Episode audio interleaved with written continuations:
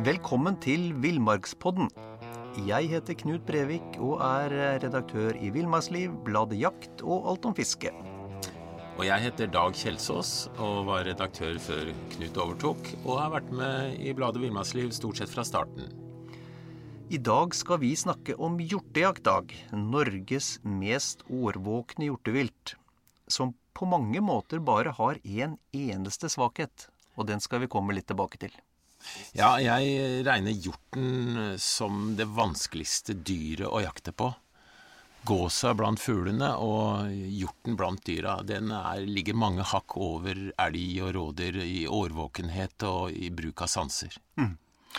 Og hva er det, hva er det ved hva, Hvilke sanser er det hjorten tar i bruk som, som gjør at den støtt og stadig avslører oss? Vi har jo begge sett mange ganger at han har et utrolig godt syn. Du, du, tror du er sikker når du krysser ei myr eh, halvannen kilometer unna en hjort som ligger oppi lia, men han ser deg. Og som de andre hjortedyra, så er det selvfølgelig luktsansen som er veldig godt utvikla. Mm. Han får ferten av deg på kanskje et par kilometer uten problem, mm. hvis det er gunstige vindforhold. Og så har vi det med, med, lyd, hvor han også overgår oss. Så vi er underlegne på alle måter, bortsett fra at vi har bra utstyr, eh, som kikkert og, og, sånne ting, da. Mm. Mm.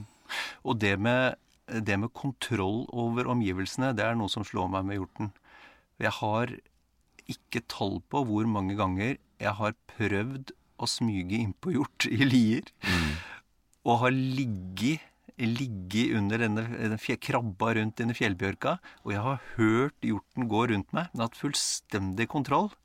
Jeg har ja. aldri sett den. Eller det vil si, av og til ser du noen, da får du jo skutt også, men, men, som regel har den fullstendig kontroll på det.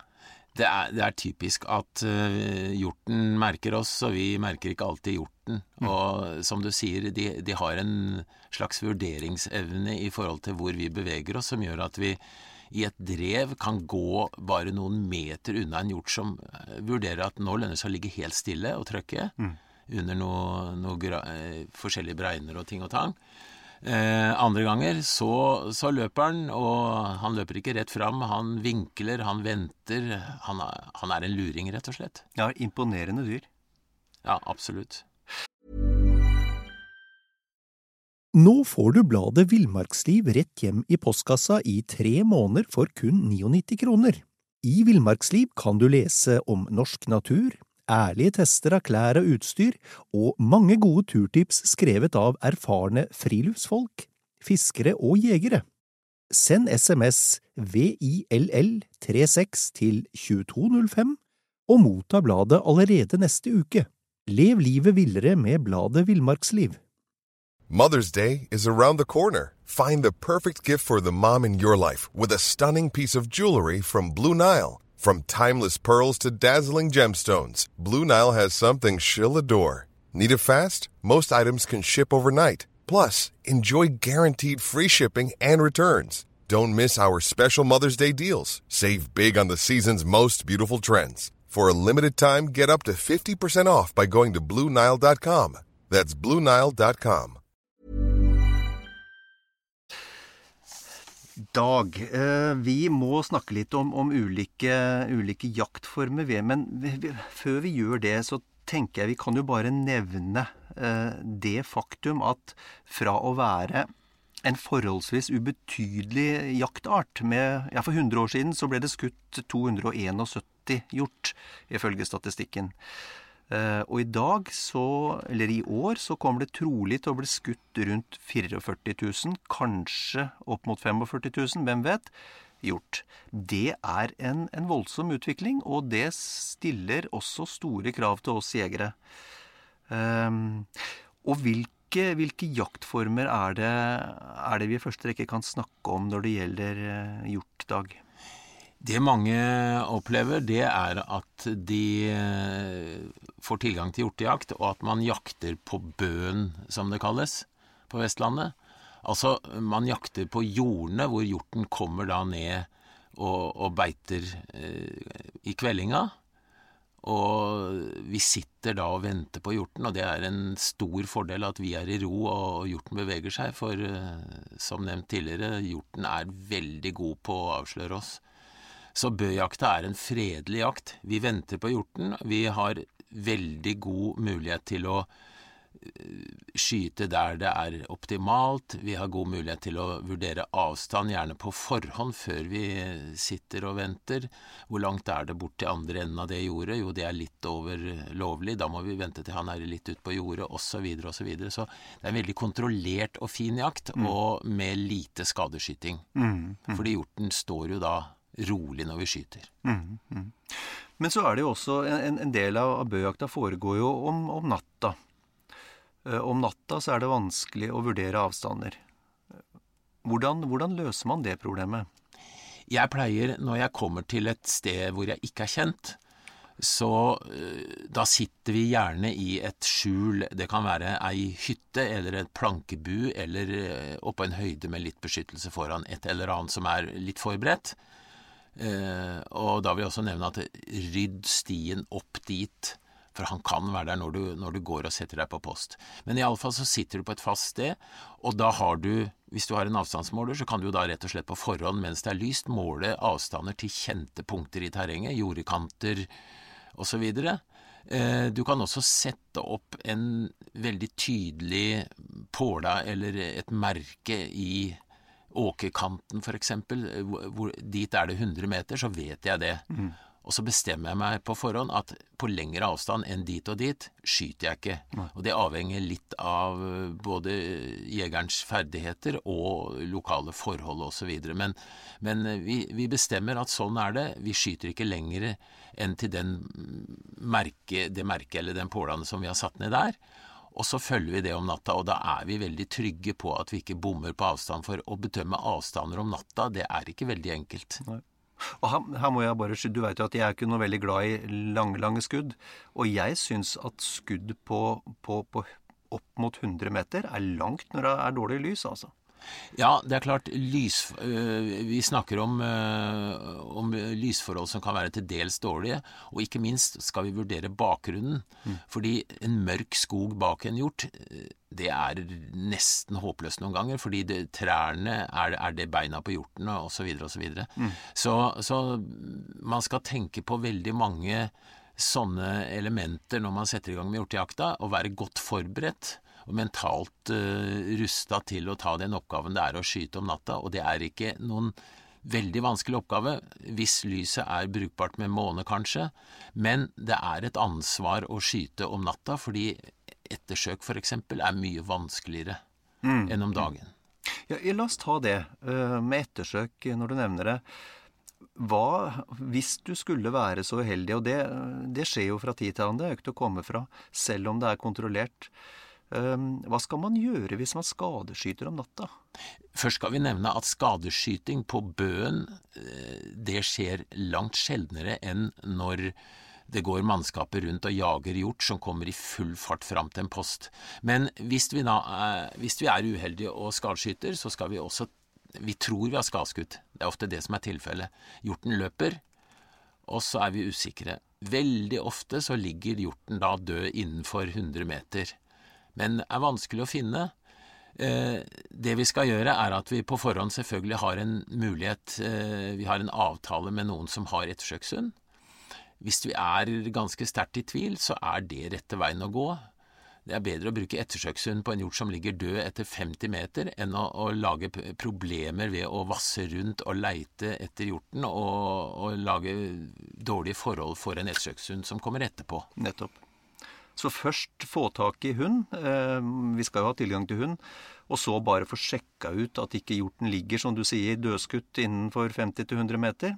Men hvis det da er indikasjoner på at det er en, en alvorlig skarskyting, så vente til lyset kommer neste morgen. Ja, altså da i alle sånne tilfeller så vil det være en etters ettersøksekvipasje, som det heter, med en som er opplært til å takle sånne mm. situasjoner. Han vil foreta de rette vurderingene i forhold til det som har skjedd.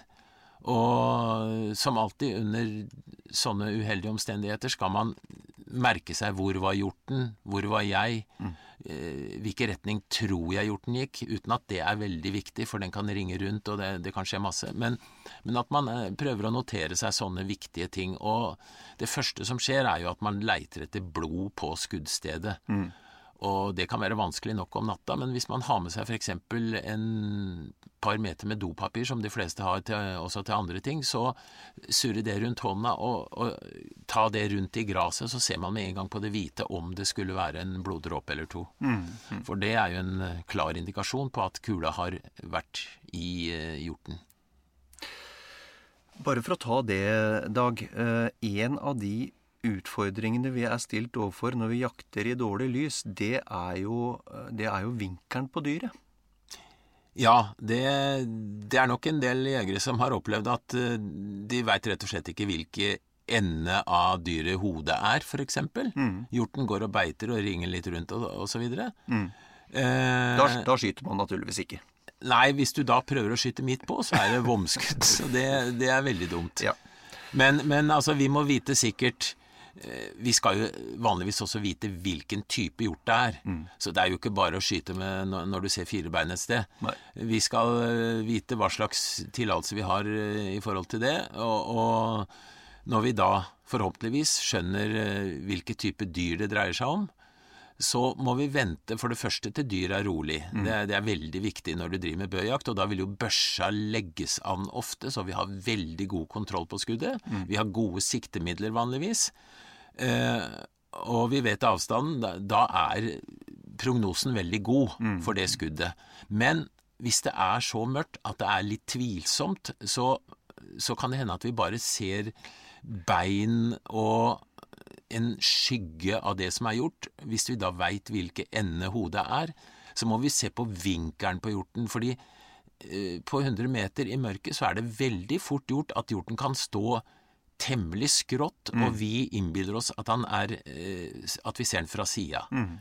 Så hvis de fire beina plasseres sånn at det ser ut som det er to, altså mm. at det ene forbeinet dekker det andre forbeinet og tilsvarende på bakbeina, da har vi en god situasjon. Mm. Og, og det, er, det du sier der, er et knakende godt tips. altså. Når du ser kun to bein på hjorten, da står den mer eller mindre rett med, med breisida mot deg. Ja, ja. Veldig bra. Um, jeg tenker litt på det her med, når vi er inne på bøjakt, hva slags forhold sånn, er, er, ideelt, og hva er mindre ideelt med tanke på vær og vind og Ja, eh, hjorten er en luring, og han, som de andre hjortedyra, så vurderer han vindretningen.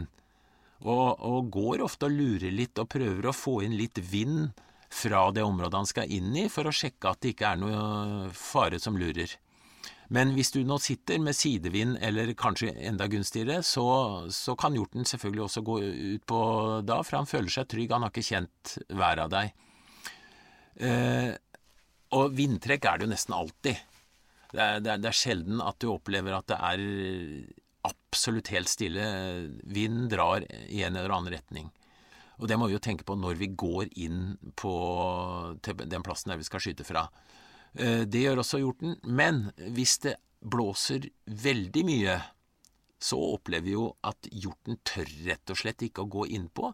Det har noe med at det bråker i lauvet, så han hører ikke så godt. Og det beveger seg i busker som eh, svinger litt på seg osv. Alt dette her, det gjør at den lure hjorten, han, eh, han tenker at nei, nå, nå, tør jeg ikke å gå utpå her. Mm. Så, så det er vind, kraftig vind, det er dårlig hjortejaktvær når vi sitter på bøen. Mm. Det kan være veldig godt vær under andre jakter, men ikke på bøjakt. Ja, det, det, er, det er, min erfaring òg. Mye vind er dårlig på bøjakt, mens derimot hvis du skal smyge, så kan det være veldig bra. Ja, da er jo vinden vår hjelper. Mm. fordi mm. Da, er vi, da er vi ikke tvil om vindretningen. Vi, vi, kjenner jo til det at de, hjorten ligger ofte i bratte lier. og i forhold til sol og tid på døgnet, forskjellige ting, så kan vinden plutselig snu. Først går den nedover lia, og så plutselig så går den oppover lia, så kommer den på skrå osv. Mm. Hvis det er stabil, litt eh, sikker, halvkraftig vind, kan vi kalle det, mm. Mm. da er det veldig gode forhold for å snike innpå. Mm. Men hjorten er jo da tilsvarende oppmerksom. Han vet inderlig godt at rovdyr kan komme snikende mot vinden. Mm. Bare før, vi, bare før vi gir oss med Vi har vel ikke sagt det før vi gir oss med bøjakta. Eh, hvilke tidspunkter er det som er mest aktuelle på, på, på bøjakt, Dag? Altså, Hjorten er jo som de fleste andre dyr og hjortedyr ute i grålysninga og om natta. Mm. Uh, hvis det er måneskinn osv. Fine forhold. Det kan faktisk noen steder også være lys fra f.eks. fra skyene fordi det er en, en opplyst liten småby i nærheten. Det er mange forhold som gjør at det kan være gode lysforhold. Mm. Da kan vi jo jakte hele natta, og hjorten er oppe om natta. Han ligger gjerne og hviler litt underveis. Men han kommer inn på bøen i grålysningen eller mørkningen om kvelden. Mm, mm. Og så er han der ofte helt til morgenen, og godt utpå morgenen. Så, så det er skytelyst eh, og skuddlys både på kveld og på morgen. Mm. Og så er det vel, i hvert fall er det min erfaring, at hvis du orker å sitte hele natta, så, så kan det komme hjort til forskjellige tider. Det er mest aktivitet akkurat den siste timen før det blir mørkt om kvelden, og siste timen før det lysner om morgenen. Mm. Men, eh, men, det kan komme hjort hele natta. Er, men de færreste av oss orker jo å sitte oppe så lenge. Men, men, men hjorten er jo bevegelse hele natta. Ja, det er vi, vi, vi som har sittet og venta på bøen noen ganger, vi vet jo det at du kan du kan tenke at nå er det håpløst, nå går jeg hjem og det er godt utpå natta, og plutselig så kommer det en hjort. Mm. så det eller, eller, to jegere kan bytte på. Den ene sitter uh, halve natta, og den andre sitter uh, første delen, og den andre sitter siste delen av natta. Det, det, er mange muligheter, fordi hjorten kan altså Hvis han hadde hatt et falsk, helt fast mønster, mm. så ville det vært en dødsdom. Ja, Ja, ja. Bare eh, sånn i forhold til oppførsel når vi sitter og venter på, på hjorten på bøndag. Hva, hva er det vi i hvert fall ikke skal gjøre. Eh, hva, hva er det hjorten reagerer på? Ja, hvis du har en mobiltelefon med litt høy lyd, så er jo det det sikreste varselet. Det har, det har redda en del hjort. ja. uh, nei, altså Det kommer jo an på hvor du sitter, men uh, i utgangspunktet, du skal ikke bevege deg. Det er ingen som klarer å sitte dønn rolig hele natta. Men du bør jo forberede dette skjulet, som eh, i mange tilfeller da er ei lita hytte, så du kan bevege deg uten at hjorten ser det. Men da skal du sørge for at det ikke knirker. Mm. Du må sitte på en stol som gjerne er på et teppe inni denne bua. Mm. Du må legge noe under børsa, så ikke den knirker når du, når du vrir av til for å skyte. For det, det, er så utrolig lite som skal til før hjorten skjønner at her er det muffens. Mm, mm. Og hvis du, holdt jeg på å si, hvis du har, har med deg mobil og, og, ser på displayet, eh, eller hvis du røyker og skal fyre opp en, eh, en lighter, eller hva det nå måtte være, så mister du nattsynet ditt. I hvert fall for et stykke tid. Ja, det er jo et godt tips, Knut. Mm. Eh, vi, vi, må bare passe på sånne detaljer. Mm. Mm. Tenke at eh, Tenk det fra hjortens ståsted. Ser han det lysglimtet? Hører han det kneppet? Eh, og så kan du tenke deg at du er en hjort, men at eh, ut fra dine forutsetninger at du hører 100 ganger bedre enn det du gjør normalt. Mm. Mm.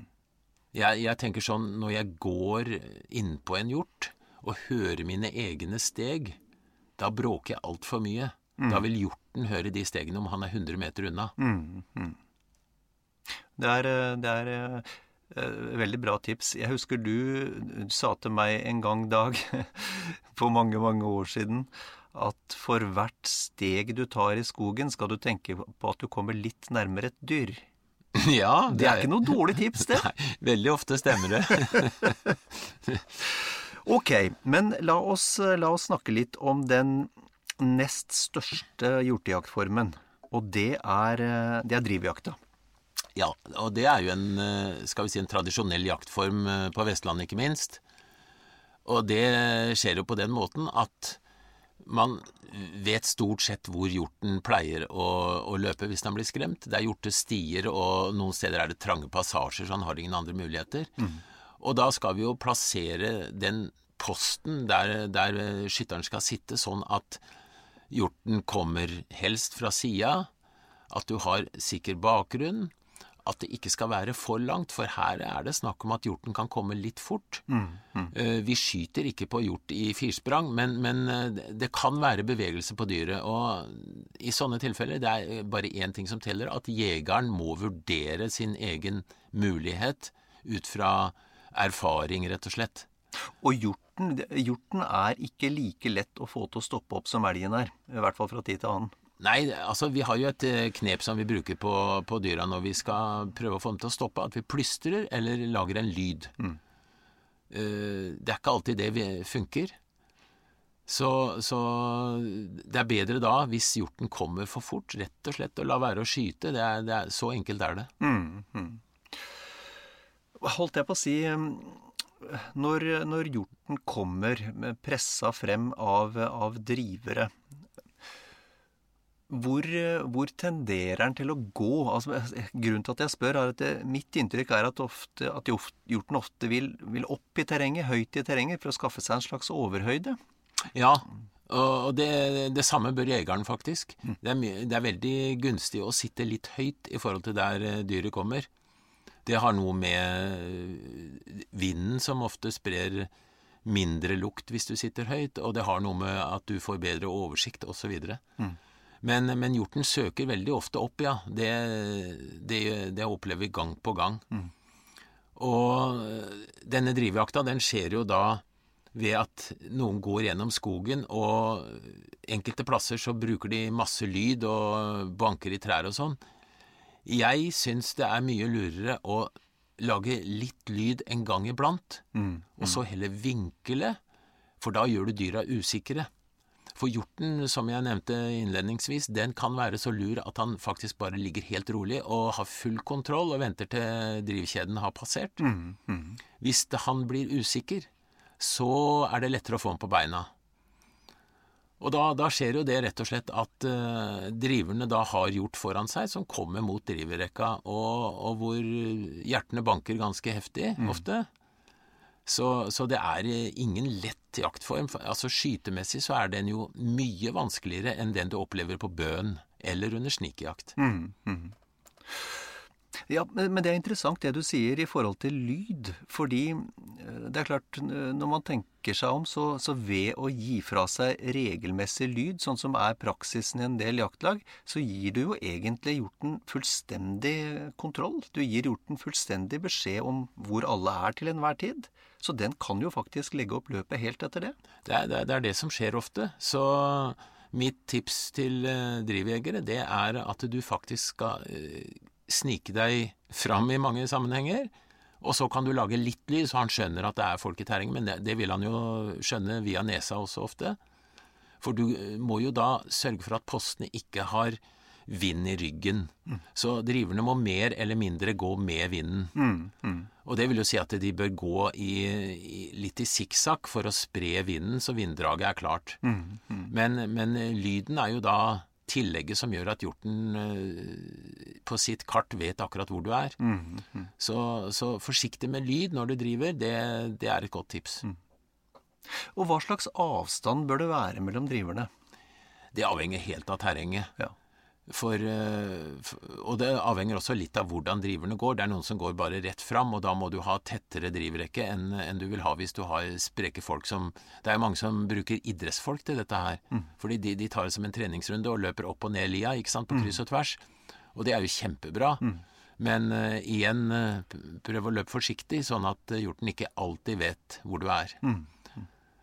Uh, avstanden mellom driverne kan være i noen sammenhenger 100 meter i andre sammenhenger 500 meter, hvis det er åpent terreng f.eks.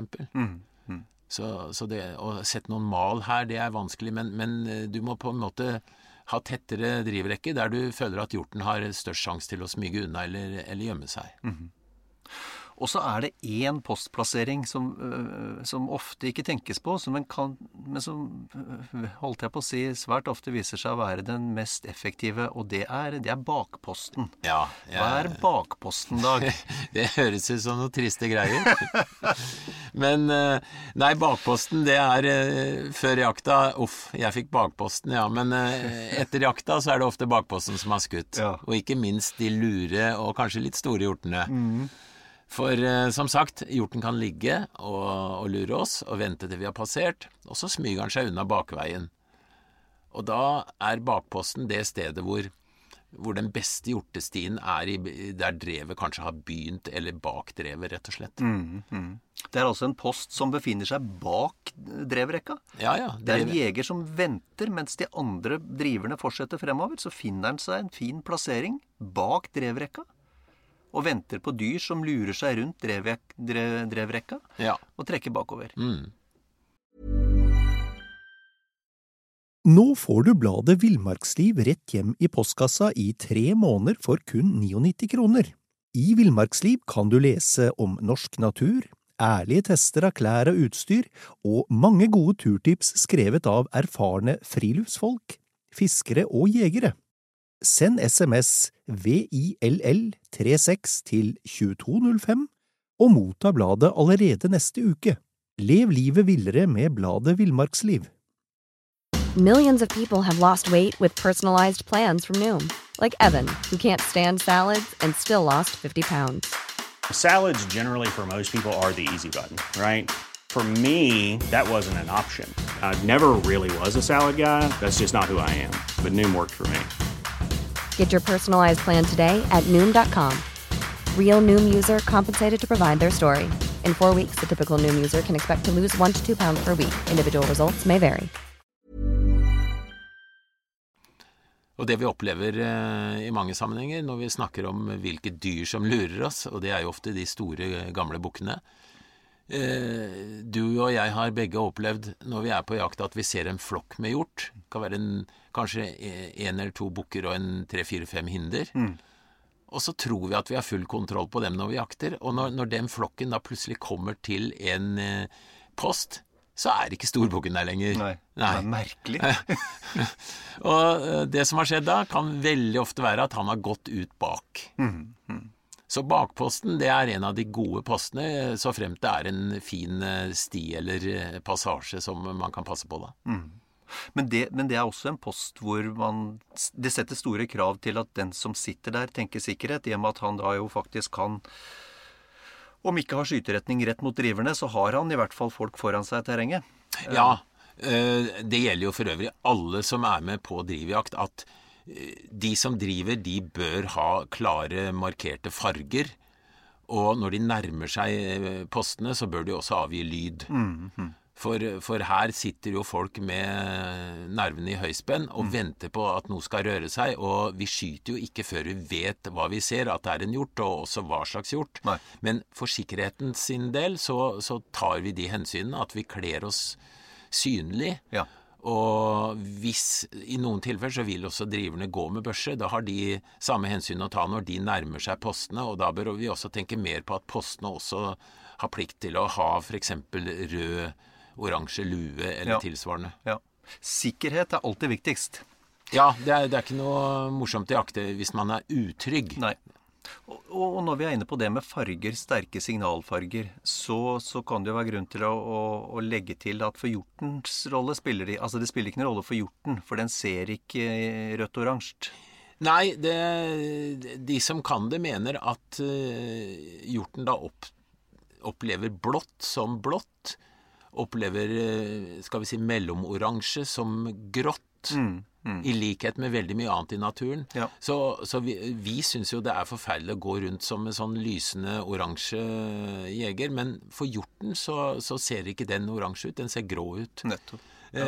Jeg opplever vel at en del vernefarger er litt for lyse, sånn at det kanskje for hjorten virker eh, litt for lyst i forhold til omgivelsene.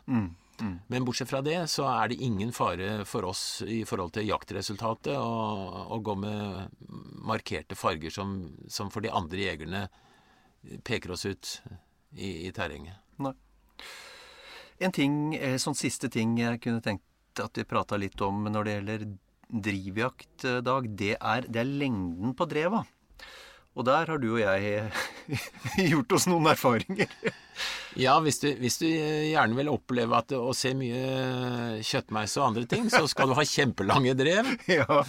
Hvis du vil se hjort, så bør du ikke ha så lange drev. Derfor vi har gått drev på to-tre kilometer. Ja da. Helt meningsløst. Eh, God trening, men, men liten jaktglede. Ja.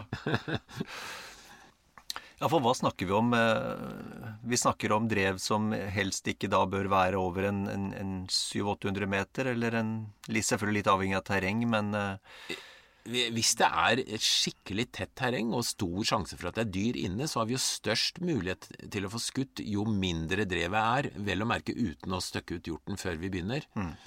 Så eh, å si noe generelt om det, det er vanskelig, fordi et godt drev kan, kan lages på 400 meter.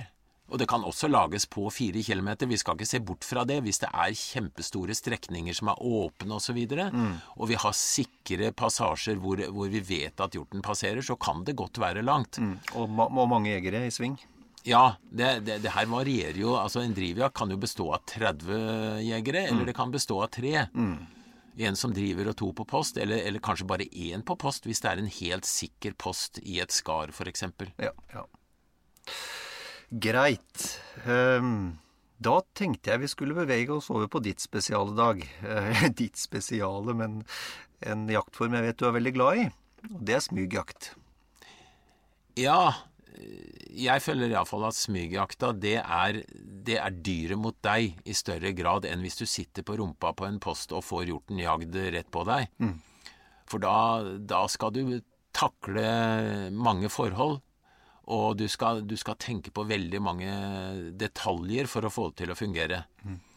Så en jaktform som brukes mye, som både du og jeg syns er, er, bra, det er å oppdage hjorten i kikkert. Ofte når han ligger, eller når han legger seg, for det er jo i grålysningen er det ikke så lett å se hjorten på lang avstand, men vi kan finne en hjort på flere kilometer gjennom kikkerten som ligger f.eks. bak et lite tre oppi lia med full oversikt, hvor, han, hvor bare hodet på hjorten syns, f.eks. Det er sånn mm. typisk. Og da å snike seg innpå den, det er en ålreit jegeroppgave, for da, da, mm. utfordres du til de grader. Mm, mm.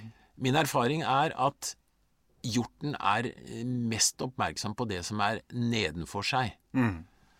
Så hvis du klarer å komme deg helt rundt, å komme ovenifra, så har du et fortrinn. Mm, mm. Men uh, uansett så vil jeg si at noe av det mest spennende du kan gjøre av jakt, det er å snike innpå en hjort. Når det gjelder smygjakt og hjortens hørsel um, hva, hva, skal vi tenke på i forhold til vår egen bekledning, eh, for å ta det til å begynne med? Men altså, jeg tenkte også i måten vi beveger oss i, eh, i, lia eller i skogen på. Men la oss ta bekledning først, Dag. Ja, det, det, er jo det gamle knepet om å bruke myke klær som ikke bråker når vi beveger oss mot stein eller trær. Som ikke skraper, gir skrapelyd. Mm. Eh, det kan være ull eller eh, flis eller eh, tilsvarende myke produkter. da. Mm. Og det gjelder også støvler. Altså harde, tunge, svære støvler bråker. Mm. En myk gummistøvel eller joggesko er langt å foretrekke. Mm. Og ikke minst, det, det, har jeg tenkt mange ganger, når du bruker joggesko eller veldig lette sko, så får du en mye bedre kontakt med underlaget. Så at du ja. knekker ikke så lett i kvista. Nemlig fordi eh, du skal huske på én ting her. Det gjelder ikke å nå fram til den hjorten i løpet av fem minutter.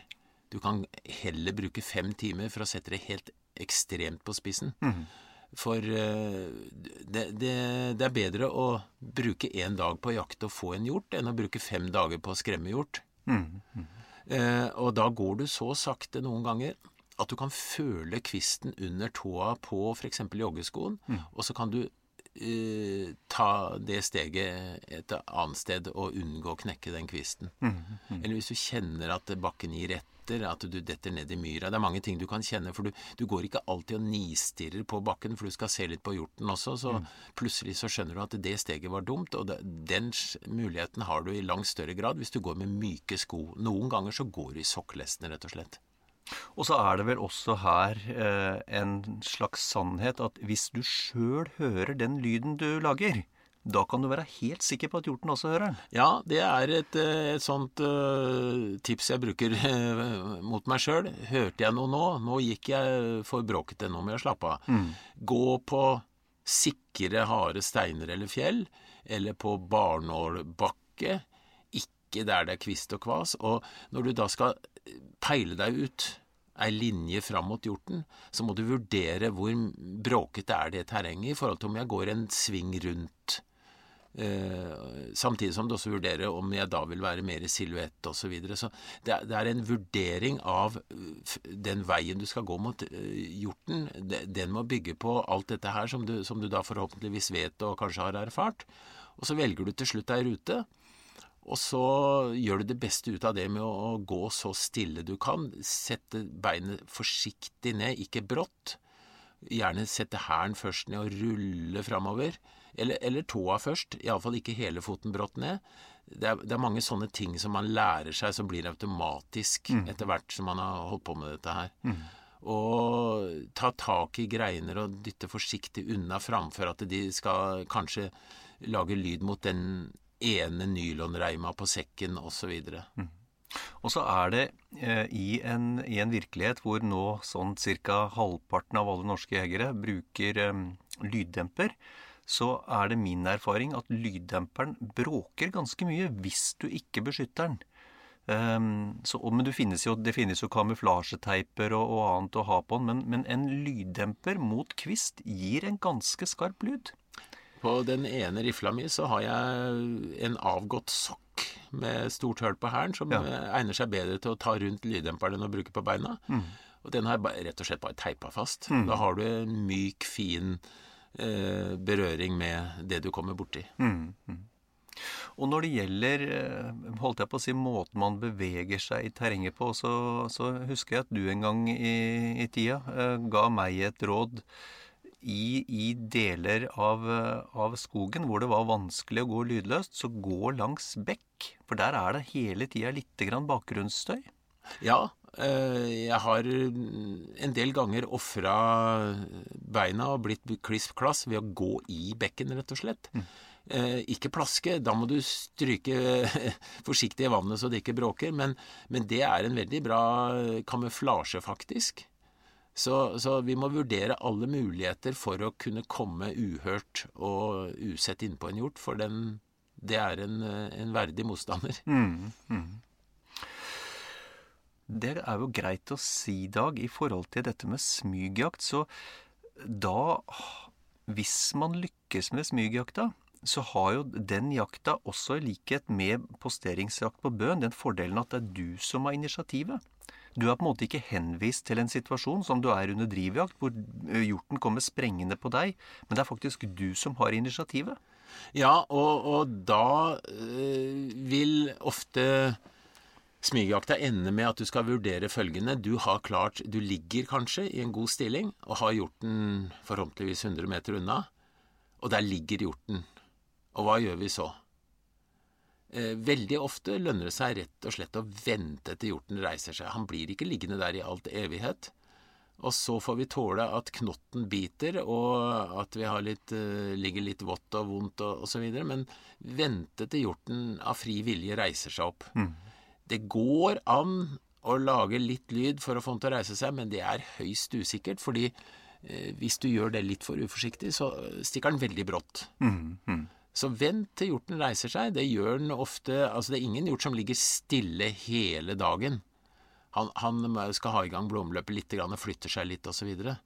så Så muligheten for at han beveger seg, den, den er jo der eh, innenfor kanskje en time, eller ja, mm. Vanskelig å si, men i alle fall, eh, hjorten vil komme til å reise seg igjen. Mm. Mm. Og da er det jo viktig at vi har en, en, gunstig vinkel. Hvis han da står med rumpa mot, så har vi et problem. Og da kan det være at vi skal lage litt fuglelyd eller noe som gjør at han vrir litt på seg. Mm, mm. Og så er det jo det å si om smugjakta da, at det er vel ikke en utprega sosial jakt. Det er vel ikke noe sånn lags, lagsjakt. Man kan jo selvfølgelig jakte, jakte smugjakt i lag òg, men, men, men, det er en, det er en, en jakt for én jeger. I høy grad. Men det kan samarbeides på den måten at en mann sitter med kikkert nede i dalen f.eks. Og så har de radiokontakt. og så forteller den som sitter nede i dalen at eh, nå er du 200 meter unna hjorten, men han er 50 eh, meter høyere enn deg i terrenget. For eh, vestlandsterreng, er li, kan være veldig, veldig vanskelig å tolke når du er i lia i forhold til hva du så når du var to kilometer unna, så inn mot lia. Så det kan være god hjelp. Men, men i den forbindelse eh, viktig å peile seg ut kjennetegn i terrenget der hjorten er. Han ligger f.eks. 100 meter nedenfor den tette rognen, eller til venstre 10 meter til venstre for en stor stein osv. Mm, mm. Og, og merke seg det veldig nøye, terrengformasjoner, for det ja, både du og jeg har bomma på det, ikke sant? Mm.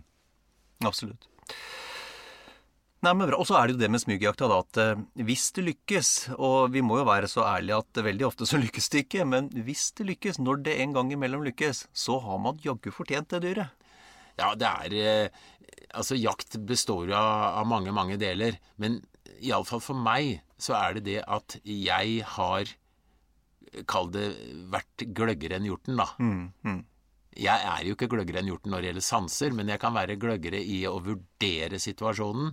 Og så har jeg lykkes, og den tilfredsstillelsen over det, det betyr noe for meg i hvert fall. Eh, over til, eh, til hundejaktdag. Hund på hjortejakta var jo en sjeldenhet for eh, 30 år siden. Men det har kommet i, i stadig større grad. Ja, det var jo På Vestlandet var det noen steder det var forbudt Ikke sant? å stille opp med hund. Ja. Eh, I dag så hører vi både los på hjort, og vi hører eh, hunder som har drev, altså små hunder da, som er tillatt på hjortejakt. Lavbeinte. Ja. Mm. Eh, og det er veldig effektivt, fordi eh, da stikker hjorten av fra den hunden, men ikke lenger eh, enn at han er, skal vi si, noen hundre meter kanskje foran. Og da, da har vi full kontroll. Hjorten kommer sakte, og hjorten forholder seg til hunden og ikke til postene. Og dermed så er vi eh, på en måte Vi har en roligere jakt, da. Igjen, vi har initiativet. Slipper å være Ja, for, for eh, selv om drivjakt er noe av det vanligste, eller var i alle fall, så er det egentlig en jaktform som stiller veldig store krav til jegerne, og hvor det dessverre skjer mer skarskyting enn på, på mange andre jaktformer. Og så har, eh, har jakt eh, med, med, med elghund også etter hvert kommet på, på hjortejakta. Og da i første rekke bannhunder. Ja. øh, Den, den jakta skjer jo ikke sjelden i ganske åpne terreng, hvor det er, en, øh, er fint å bruke bannhund. I de tette skogteigene så er det mye vanskeligere, men når det er åpne lier og, og kanskje fjellterreng, så er det veldig greit å bruke en bannhund, som jo da viser deg via nesa hvilken vei du skal gå, hvor hjorten ligger. Når vi snakker om hjortejakt, så skal vi heller ikke glemme at hjorten er i ferd med å bre seg utover i landet fortsatt. Vi har en ganske bra hjortebestand eh, ja, mot Sørlandet, utover mot Østlandet, noen eh, isolerte stammer også hvor det ikke har vært hjort på så lenge vi kan huske. Så, så, og da vil hjortejakta av og til kunne kombineres med elgjakt, f.eks. Så hjortejakta er blitt eh, mangfoldigere enn den var tidligere. Og det, sånn i forhold til å bruke hund på hjortejakt, så, så, så jakta jeg jo mange år med bannhund. Um, og det må jeg si at um, det var jo veldig sjelden jeg gikk med bannhund at jeg kom innpå hjorten. Den største verdien i Og det hendte riktignok at jeg kom inn på, men den største verdien med å gå med banehund var egentlig at den ga en indikasjon på om det var gjort i terrenget. Og i så fall cirka hvor den var. Ja, og, og hjorten er jo da Den har faktisk ganske mye lukt fra seg sjøl. Fordi eh, det har sikkert du også opplevd noen ganger, at du lukter at her har det vært hjort. Og det er det veldig sjelden jeg gjør på rådyr og elg, men på hjort så, så kan jeg oppfatte det. Så jeg kan tenke meg at hunden veldig eh, greit finner ut via nesa hvor det er hjort. Og så husker jeg også eh, det var alltid en fordel eh, når det ble skutt noe opp i lia, eventuelt hjorten løpe ut 50-100-150 meter, som han jo fort gjør, selv etter et godt skudd. Og da har du lang leiting foran deg ned i det tette kr krattet, hvis du, hvis du ikke har med deg en hund, altså. Ja, det å finne, finne dyr som er påskutt og dødskutt, det kan være veldig vanskelig. Jeg, det jeg gjør i sånne tilfeller, når jeg har skutt, Så jeg stirrer selvfølgelig veldig nøye og ser hvor hjorten forsvinner, men jeg lytter. Fordi det er typisk for et dyr som er dødskutt, at det begynner å bråke like før det dyret ramler. Det, det har ikke kontroll og fyker rett på noen greiner og kvister og, og lager lyd. Mens et uskadd dyr kan forsvinne forholdsvis lydløst. Dag, vi må også prate litt om, om lokkejakt på hjort. Det er spesielt. Ja, og det, er- det er jo helt enormt spennende og utfordrende. For eh, ja, vi veit jo det at eh, hjorten brøler, ikke sant, om høsten. Og bare det å oppleve brølende hjort er jo det er vidunderlig som naturopplevelse i seg sjøl. For det er jo majestetisk når en stor eh, kronhjort eh, slipper ut eh, luft fra det innerste av seg sjøl og, og markerer at 'her er jeg konge', er det noen utfordrere i nærheten, og, og så videre. Det, er- det er helt rått. Og så er det jo gjerne i skumringen, da, så du får den derre stemningen med I tillegg med at det er litt dunkelt. Eh, og det du kan gjøre da, det er rett og slett å late som du også er en, eh, en hjort som er ute og brøler. Og i noen tilfeller så vil da den bukken komme rett på deg, eller i andre tilfeller være lur og prøve å snike seg rundt og få lukt av deg, eller han er litt usikker, da. Og hva, hvordan lokker du? Hvordan høres den lokkelyden ut, Dag? Jeg kan godt prøve, men jeg må understreke at det, det er mye lettere å lokke på en hjort når du har hørt hjorten på forhånd, for da klarer du å legge deg i det riktige leiet. Men eh, noe i retning av dette her, da.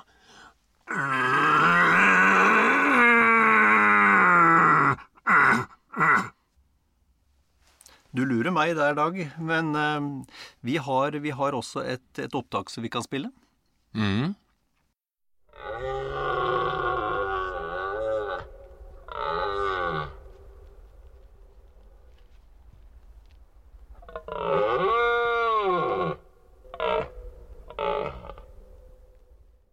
Nå skal vi også huske at ingen bukker har helt lik lyd.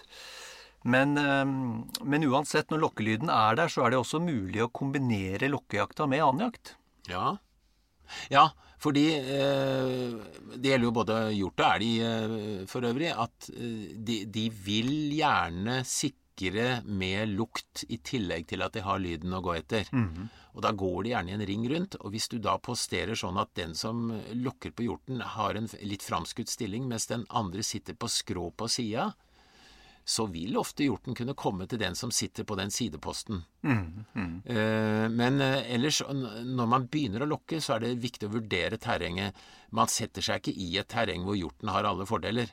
Man velger et sted hvor det kanskje er åpent bak, så hjorten kvier seg for å gå rundt. Eh, oppe i skoggrensa hvor det er lett å se.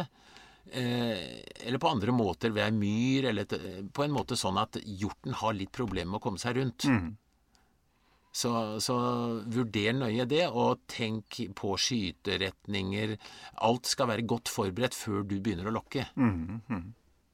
Og sånn i forhold til tid, så vi, i, hvert fall, i hvert fall var det var gjennomsnittlig start for, for brunsten på hjort i Norge for noen år siden. I hvert fall det var en 10. til 12. 13. oktober. Det kan jo inntreffe før, og det kan inntreffe seinere, litt avhengig av hvor i landet vi er. Men pluss minus første uka i oktober, da er det vel eh, brunsten setter inn. Ja, og det er mange hjortejegere som forbeholder seg å ha ferie akkurat da. Jeg husker en Det var også ting Alt begynner å bli mange år siden nå. Men i hvert fall jeg husker for noen år siden Dag, da vi var på hjortejakt, og så skulle vi ligge ute om natta. Fyrte jo opp et bål. Det var altfor mørkt å skyte og altfor mørkt å jakte. Men så var det en, jeg husker ikke om det var deg eller det var en annen en, men det var i hvert fall en som begynte å lokke på hjorten. Og i løpet av en halvtimes tid da, så hadde vi i hvert fall fire svære kronhjorter som sto og lokka på forskjellige sider av oss, husker du det? Ja, og, og det, det er da du tenker hvor dum går det an å bli når du ikke har sjans til å skyte? Men altså for naturopplevelsen var det kjempestort. Det var fantastisk. Ja, ja. Men eh, Og, og når, når du skal vi si, står og, og støykriger mot en hjort, og ser hvem som er tøffest, og hvem som tør å komme fram mot den andre, og brøler og forsvar, og du hører at han er irritert og sånn. Ja. det er naturopplevelse i øverste hylle, altså. Ja. Ok, greit. Vi har snakka litt om, om bøjakt, vi har snakka litt om drivjakt, smygjakt, hundejakt og lokkejakt. Og mye av det her har jo, har jo en del ting til felles. Hvis du skal oppsummere, Dag, eller koke ned hjortejakta i en to-tre eh, gode tips, essensen av, eh, av gode tips for å lykkes med hjortejakt, hva vil det være? Eh, det vil være å være kjent med terrenget hvor hjorten har sine stier. Forholde seg til det uansett hvordan man jakter. Det vil være å tenke på at her har jeg med et vilt som gir meg de aller, aller største utfordringene med hensyn til sanser. Eh, og det må være at du sjøl skal være et rovdyr. At du skal oppføre deg som et rovdyr som jo er født og lever av å være usynlig, ikke spre lukt, osv. Hvis du tenker på dette her og er helt, helt konsentrert om det du driver med, så får du iallfall veldig mange fine opplevelser, og du vil oppleve mange ganger Du får ikke gjort den, men du har hatt en fin opplevelse, og du har lært litt mer. Mm, mm. Og det er ikke noe dårlig resultat. Helt innledningsvis, Dag, så sa vi at hjorten kun har én en eneste svakhet. Og hva er det? Ja, det Han er nysgjerrig. Eh, sånn eh, omsatt til jegerpraksis så kan du si at hvis hjorten er usikker på hva som har eh, gitt lyd, eller, eller som det er, det er, et eller annet han lurer på, da, så er det ikke alltid han løper sin vei. Det hender han da prøver å finne ut hva det er. Og da gjelder det å forholde seg veldig, veldig rolig og være tålmodig. Kanskje kommer hjorten for å sjekke, og da gjelder det å forholde seg helt rolig og avventende for om mulig å få en skuddsjanse når han skal da finne ut uh, hva han lurte på og var litt usikker på. Mm.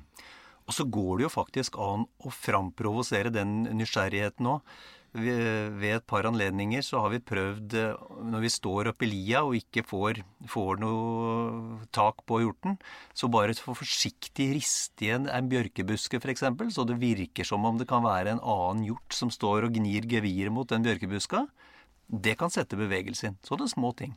Ja, hvis vi snakker om eh, jakt på bukker, så er det klart at bukkene de vil være tøffe og jage vekk konkurrenter. For nå er det nå engang sånn at de store bukkene særlig, de skal samle seg et lite harem. Mm -hmm. Og hvis de føler at noen andre ypper seg, så blir de litt sure. Mm -hmm. Så det er ikke noe dårlig tegn eh, at, at du, du, lager en lyd som kan minne om en hjort, mm. og så da sitter dørgende stille og venter på at kanskje storbukken da kommer for å avsløre deg. -hmm. Da tror jeg bare vi får ønske norske jegere skitt hjortejakt, ja. Mm. Kort og godt valg av fjellstøvler. Dag, eh, jeg skal kjøpe meg nye fjellstøvler. Hva er det jeg bør tenke på? Du bør tenke på eh, hvilket terreng du skal gå i. Om det skal være mye tungt, eller om du ikke skal ha så mye i sekken. Eh, du må tenke på hvordan du trives med beina dine. Er de sterke? Har du, har du, gode bein som tåler å gå i litt kupert terreng? Mm. Det er en del sånne ting du kan tenke på når du velger fjellstøvler som gjør at du kanskje kan gå med lettere fjellstøvler enn det du trodde. Mm, nettopp. Nå er jo ikke jeg noen fjør, noe lett fjør, og av og til bærer jeg tungt. Hva, hva, slags, uh, hva, slags, såle og hva slags støvel skal jeg da gå etter? Eh, nå veit jeg at du kan bære tunge kjøttsekker. Eh, kanskje mye oppakning, sovepose, telt osv. Og da vil jeg nok si at du trenger en eh, støvel som har forholdsvis solid såle, som gir støtte rett og slett eh, under foten. Og du bør også ha en støvel som gir god ankelstøtte. For eh, du får vridninger når du går i kupert terreng, og du kan vrikke foten, og det er ikke noe heldig når du har tung sekk. Mm, mm. Jeg har også hørt at, eh, at eh, på de virkelig stive fjellstøvla, så de, de sårene der for, for, litt tunge mennesker som meg selv, skal være så stiv at du nesten ikke klarer å bevege på den. Ja, det, igjen kommer det litt an på din kondisjon på beina. Altså hva tåler beina dine, og hva, har du erfart at du blir sårfødt f.eks.? Mm. Jo, jo mer problemer du har med beina, jo tøffere, stivere støvler skal du ha. For, for jeg er litt andre veien. At jeg syns det er greit å gå med relativt lette og litt myke støvel, fordi jeg, jeg vrikker ikke beina vanligvis, og da, da kan jeg benytte det. Og så må vi snakke litt om såren, for der er det store forskjeller altså i forhold til gripeevnen til såren. Ja, det er veldig viktig at du har en eh, såle du stoler på, som står mot når du går på glatte steiner og i glatt terreng. Ja, for der er det stor forskjell. Ja, det er det. Og vi har vel alle opplevd å gli, og hvor vondt det kan være, ikke sant. Eh, nå har veldig mange fjellstøvler gode såler i dag, da. Det skal vi si. Og i forhold til størrelsen på, på skoen eh, Jeg er vanligvis en 43. Eh, Hva skal jeg tenke på der? Du skal prøve eh, skoen i butikken før du kjøper den. Og så skal du tenke at når du går, så utvider beina seg lite grann når du blir varm og sliten. Sånn at du skal ha plass til et par halvtykke ullsokker, tenker jeg, når du kjøper støvelen. Men du må ha litt plass. altså. Du, skal, du må ikke kjøpe sko som sitter klistra. Når jeg er med folk som skal kjøpe støvler i en butikk, så tvinger jeg dem til å gå opp og ned i trappene, gå rundt i butikken ganske lenge før de bestemmer seg. For du kjenner ikke med en gang om du har noe som gnager, om det butter foran osv. Så, videre. så bruk støvlene lenge i butikken før du bestemmer deg. Og når du har vært ute og brukt støvla, sånn i forhold til vedlikehold, hva skal vi tenke på der? Reine støvler er eh, absolutt en fordel. Eh, og du bør også smøre støvlene. Der er det forskjellige ting som anbefales fra fabrikantene, eller spør i butikken, så får du det middelet som passer til dine støvler. Og, og oppbevaringa? Oppbevaring eh, kaldt og mørkt. Hvis vi snakker om den, kanskje det halvåret du ikke bruker dem. Da tror jeg egentlig vi har vært korte og gode på fjellstøvler. Lykke til. Nå får du bladet Villmarksliv rett hjem i postkassa i tre måneder for kun 99 kroner. I Villmarksliv kan du lese om norsk natur, ærlige tester av klær og utstyr, og mange gode turtips skrevet av erfarne friluftsfolk, fiskere og jegere. Send SMS VILL36 til 2205 og motta bladet allerede neste uke. Lev livet villere med bladet Villmarksliv. Mom deserves the best, and there's no better place to shop for Mother's Day than Whole Foods Market. They're your destination for unbeatable savings, from premium gifts to show-stopping flowers and irresistible desserts. Start by saving 33% with Prime on all body care and candles. Then get a 15-stem bunch of tulips for just $9.99 each with Prime. Round out Mom's menu with festive rosé, irresistible berry chantilly cake, and more special treats. Come celebrate Mother's Day at Whole Foods Market. Hey, it's Paige DeSorbo from Giggly Squad. High quality fashion without the price tag. Say hello to Quince. I'm snagging high-end essentials like cozy cashmere sweaters, sleek leather jackets, fine jewelry, and so much more. With Quince being 50 to 80% less than similar brands. And they partner with factories that prioritize safe, ethical, and responsible manufacturing. I love that. Luxury quality within reach. Go to quince.com slash style to get free shipping and 365 day returns on your next order. Quince.com slash style.